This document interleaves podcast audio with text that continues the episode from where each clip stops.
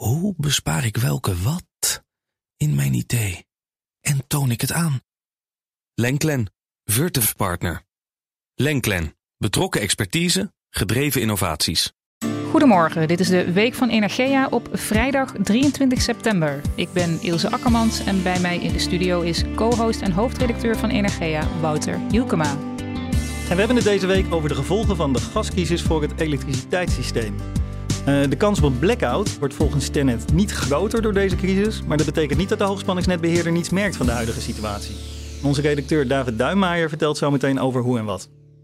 Maar eerst nemen Wouter en ik het nieuws van deze week met je door. De week werd gedomineerd door Prinsjesdag. Het kabinet gaat huishoudens en kleine ondernemers helpen met een tijdelijk prijsplafond op energie dat op 1 januari moet ingaan. Dat moet een gemiddeld huishouden een korting opleveren van zo'n 2280 euro per jaar. In de miljoenennota staat dat daarvoor voorlopig 940 miljoen euro is gereserveerd. Over de compensatie van energiebedrijven voor het plafond praat het kabinet nog met de energiebedrijven. Wouter, hoe heeft de sector gereageerd op de plannen voor het prijsplafond?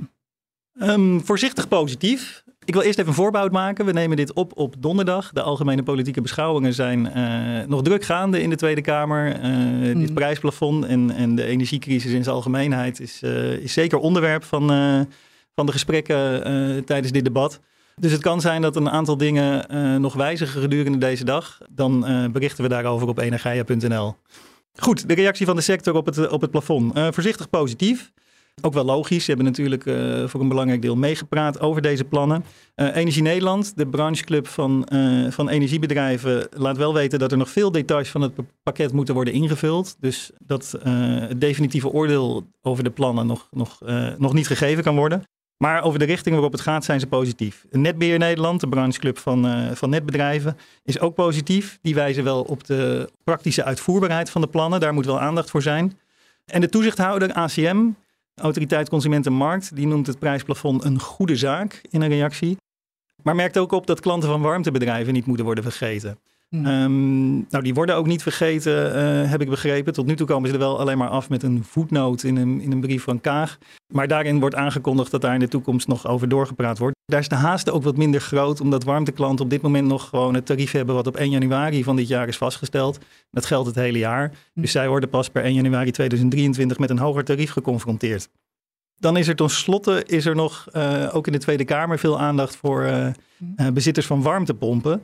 Want zoals de plannen nu vormgegeven zijn, lijkt het dat sommige warmtepompenzitters veel meer gaan betalen dan wanneer ze gas stoken. En dat is zeker als je een hybride warmtepomp hebt, zet je dan gewoon je, je gasketel aan. En uh, ja, dat is vanuit duurzaamheidsambities een beetje het paard achter de wagen spannen. Het kabinet wil de komende twee jaar in totaal bijna 2,8 miljard euro aan extra belastingen ophalen bij olie- en gasbedrijven die in Nederland aardgas winnen.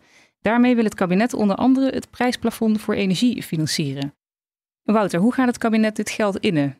Heeft dat nog te maken met de verplichte solidariteitsbijdrage voor fossiele energiebedrijven die de Europese Commissie onlangs aankondigde? Nee, het, het, valt wel een beetje samen. Maar het kabinet was voordat de Europese Commissie met deze plannen kwam al uh, bezig met deze ja, extra belasting. Het geld wordt opgehaald, uh, zoals de plannen er nu uitzien, uh, via de SEINS. Uh, dat is een woord wat ik even moest opzoeken. ACSEINS ken ik wel, maar SEINS, dat, dat, was een beetje nieuw voor mij.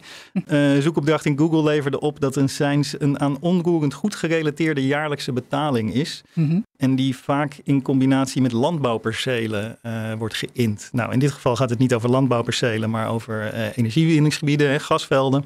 Maar daar, daar wordt dat geld dus opgehaald. Uh, overigens staat het nog niet helemaal vast. Het kabinet is nog in gesprek met, uh, met de bedrijven die het betreft. Of een andere manier van afdracht misschien beter uitpakt. Bedrijven waar het om gaat zijn dan bijvoorbeeld NAM of uh, Neptune Energy, One Dias.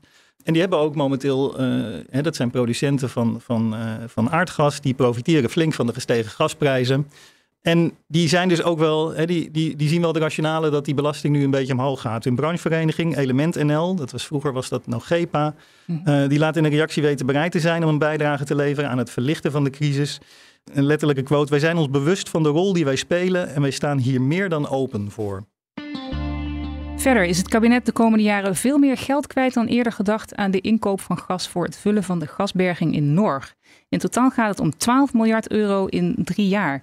Afgelopen april schatte staatssecretaris Velbrief van Mijnbouw op basis van de toenmalige gasprijzen de kosten nog op 6,5 miljard euro. Deze cijfers komen uit de begroting van het ministerie van Economische Zaken en Klimaat. Wouter, wat verklaart dat verschil? Ja, het is een flink verschil, bijna keer twee. Hè? Het zijn twee dingen. Ten eerste is het niet helemaal één op één te vergelijken, omdat in april werd er gesproken over gasjaren. Die lopen van 1 oktober tot en met 31 september. En nu in de miljoenennota wordt gesproken over kalenderjaren. Die lopen van 1, 1 januari tot en met 31 december. Dus dat is niet helemaal vergelijkbaar. Maar toch is duidelijk dat de, dat de kosten flink zijn opgelopen. Ja, hele logische verklaring. De energieprijzen, de gasprijzen zijn, uh, zijn uh, meer dan in april werd verwacht gestegen. Uh, met name deze zomer was er een enorme piek.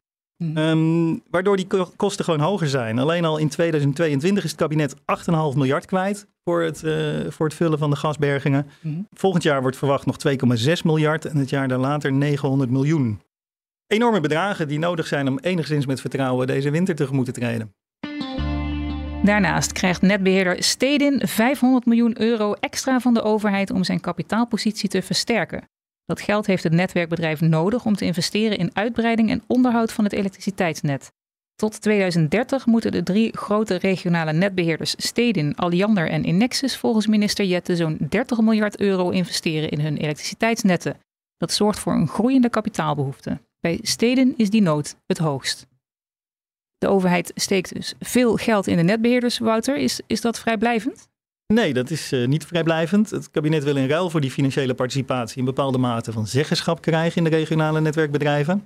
En stelt bijvoorbeeld ook voorwaarden aan de netwerkbedrijven en de bestaande uh, aandeelhouders. Dat zijn de gemeenten en uh, in sommige gevallen ook provincies. Voordat daadwerkelijk overgegaan kan worden tot die kapitaalinjecties. Mm -hmm. Een van de dingen is dat die netwerkbedrijven zelf zich moeten blijven inspannen om hun eigen vermogensbehoeften zoveel mogelijk te reduceren.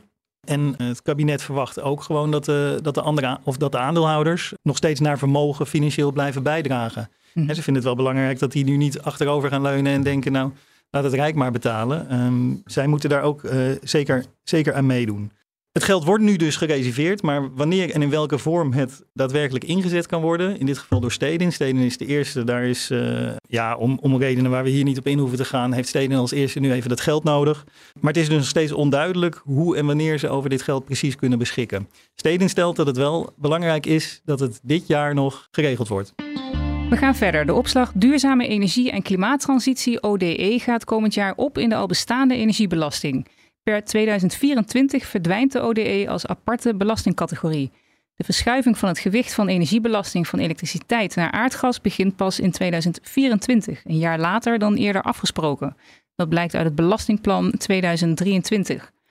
Wouter, wat betekent dat voor de SDE die tot nu toe met de ODE gefinancierd wordt? Ja, de ODE, ik zeg altijd ODE, die is tien jaar geleden door, uh, door toenmalig minister Maxime Verhagen uh, geïntroduceerd.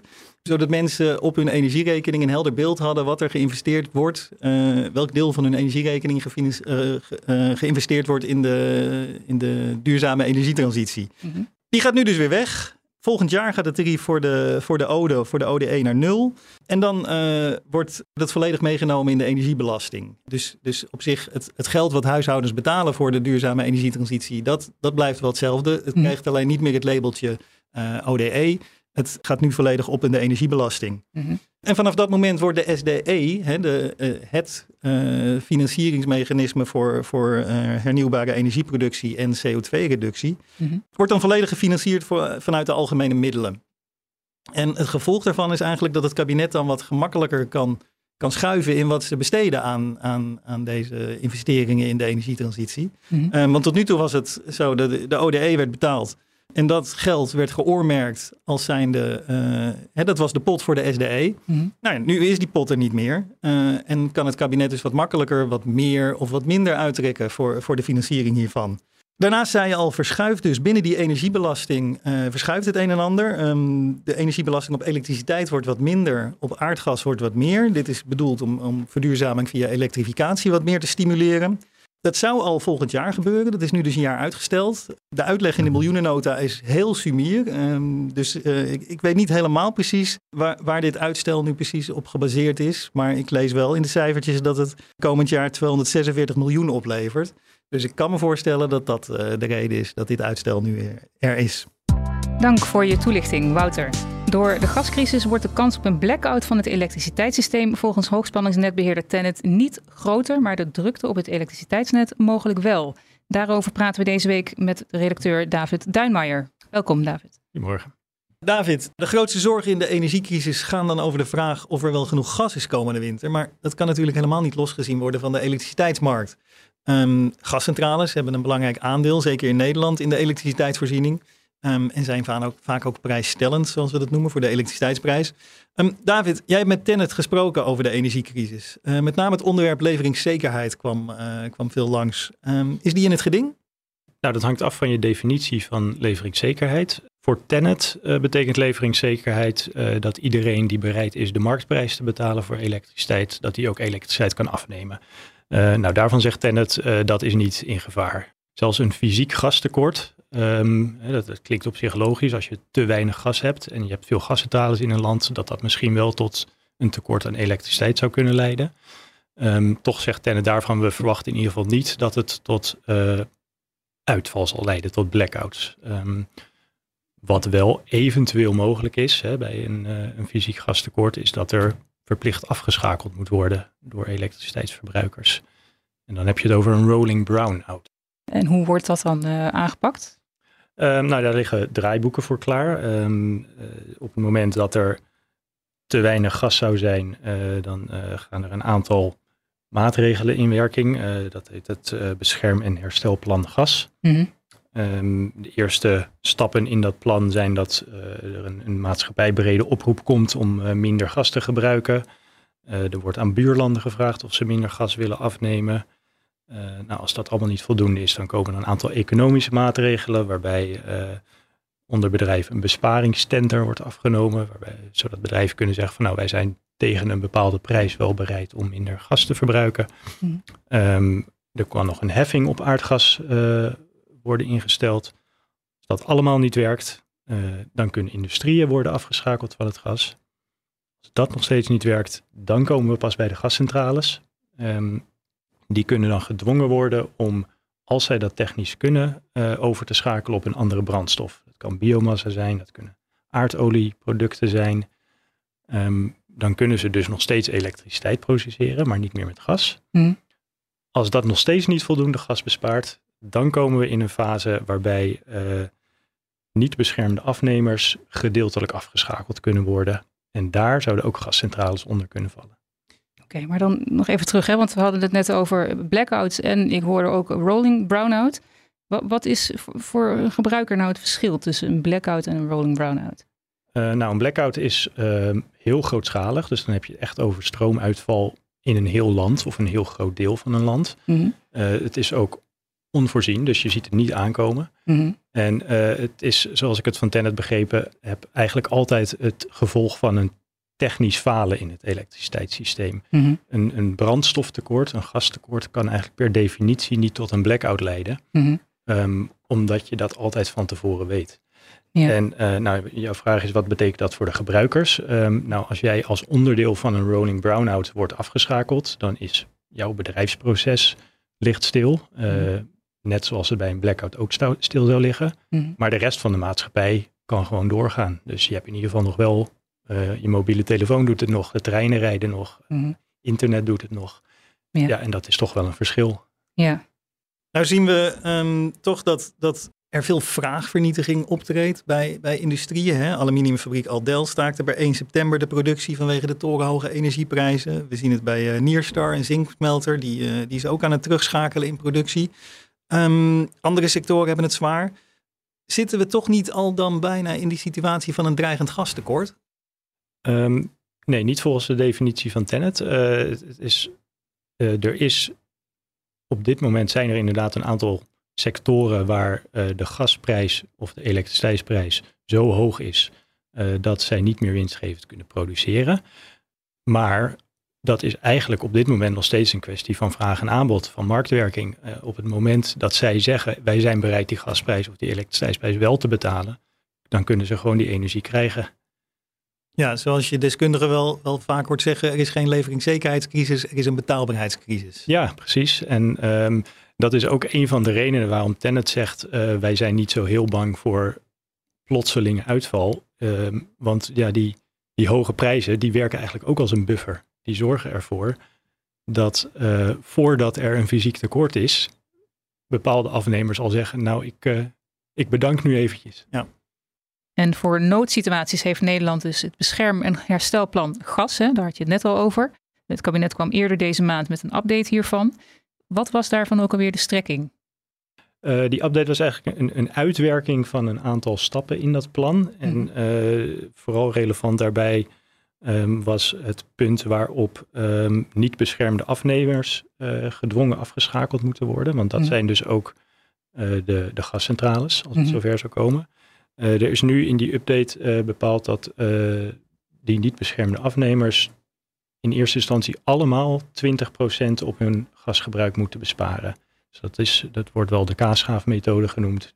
Iedereen moet dan een, een, deel van zijn verbruik uh, terugschroeven. En als ik je even mag onderbreken, dit, dit gebeurt niet nu al. Hè? We zitten nu in de, in de gaskiezers in fase 1. Ja. Het gebeurt in fase 3 geloof ik, hè? als er echt een noodsituatie is. Precies, dit zou pas in, in fase 3 uh, eh, aan de hand zijn. En dan nog zouden eerst al die andere stappen die ik net noemde doorlopen ja. moeten worden. Voordat je in die situatie komt dat gascentrales een deel van hun productie zouden moeten terugschroeven. En waar mogelijk dus andere brandstoffen moeten inzetten. Dat komt nog daarvoor. Ja. Dat komt nog daarvoor. Ja. Ja, en toch, toch zegt Tennet wel risico's te zien voor het elektriciteitssysteem. Um, kun je uitleggen hoe de hoge gasprijzen kunnen leiden tot meer congestieproblemen op het elektriciteitsnet?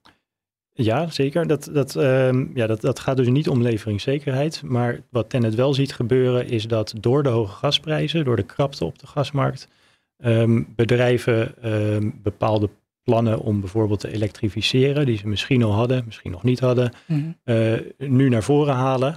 En uh, dat er op hele grote schaal uh, nieuwe aansluitingen of zwaardere aansluitingen worden aangevraagd op het elektriciteitsnet. Mm -hmm. ja, en dat zorgt uh, voor nog meer congestie dan er al was. we hebben het gezien in Noord-Brabant, in Limburg. Ja. Daarvan zeggen Tennet en Inexis allebei van ja, dat, dat is direct gerelateerd aan, aan de gascrisis. Mm -hmm.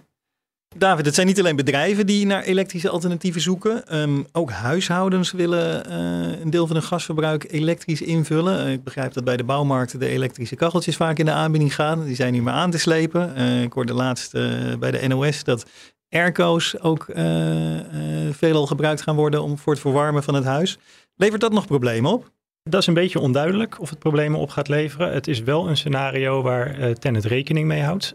Ja, ze zien ook uh, bij, bij de netbeheerders dat er inderdaad uh, door, door consumenten grootschalig gekeken wordt naar wat kunnen we nog meer, uh, wat hebben we als alternatieven voor de gasverwarming. Er, er, is meer vraag naar houtkachels, er is meer vraag naar, naar elektrische straalkachels, naar infraroodpanelen, naar airco's inderdaad, die ook een beetje kunnen verwarmen in de winter. Ja, wat dat precies voor het net gaat betekenen is niet helemaal duidelijk. Um, het, het kan op wijkniveau zou het tot uh, wat extra belasting kunnen, kunnen leiden. Ja, of dat ertoe gaat leiden dat er uh, daadwerkelijk uh, grote problemen ontstaan, is niet helemaal duidelijk. Dat hangt er natuurlijk ook vanaf hoe ze gebruikt gaan worden. Als iedereen op hetzelfde moment zijn elektrische straalkachel aanzet, ja, dan, dan kan dat wel eens te veel worden voor het net. Maar als iedereen ze koopt puur als backup voor het geval er een gastekort zou zijn, ja, dan, eh, dan zal het misschien meevallen. Ja, maar in principe alleen op lokaal niveau dus. Uh... Ja, dat, dat is geen uh, probleem uh, waar Tennet voor het hoogspanningsnet van wakker ligt. Nee. Ja, samenvattend, blackouts op het elektriciteitsnet zijn onwaarschijnlijk. Vooralsnog leiden de hoge gasprijzen dus vooral tot nog meer drukte op het elektriciteitsnet. Brengen de plannen die het kabinet aankondigde op Prinsjesdag, en dan denk ik aan het prijsplafond voor energie, brengen die daar nog verandering in? Nou, het prijsplafond dat is uh, alleen voor kleinverbruikers. Dus dat, mm -hmm. dat zal niet een direct uh, gevolg uh, hebben voor de congestieproblemen bij, die veroorzaakt worden door, door grootverbruikers. Mm -hmm. ik begrijp wel dat er ook nog nagedacht wordt over wat er voor MKB en, en misschien ook voor grootverbruikers gedaan zou kunnen worden. Mm -hmm. Maar ja, de, wat dat precies gaat opleveren is volgens mij nog niet helemaal duidelijk. Um, ja, dus is het ook eventjes wachten, afwachten wat dat precies uh, voor congestie zou kunnen betekenen. Dankjewel, David Duinmaier. Dit was de Week van Energia met de laatste ontwikkelingen in de Nederlandse energiesector. Op energia.nl lees je meer. Wij zijn benieuwd waarover je in deze podcast meer wilt horen. Laat het ons weten via podcast.energia.nl. Fijn dat je luisterde, een fijne dag en over een week zijn we weer.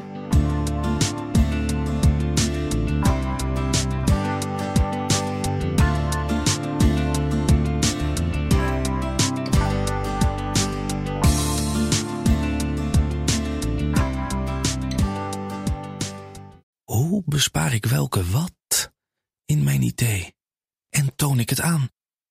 Lenklen, Virtuf Partner. Lenklen, betrokken expertise, gedreven innovaties.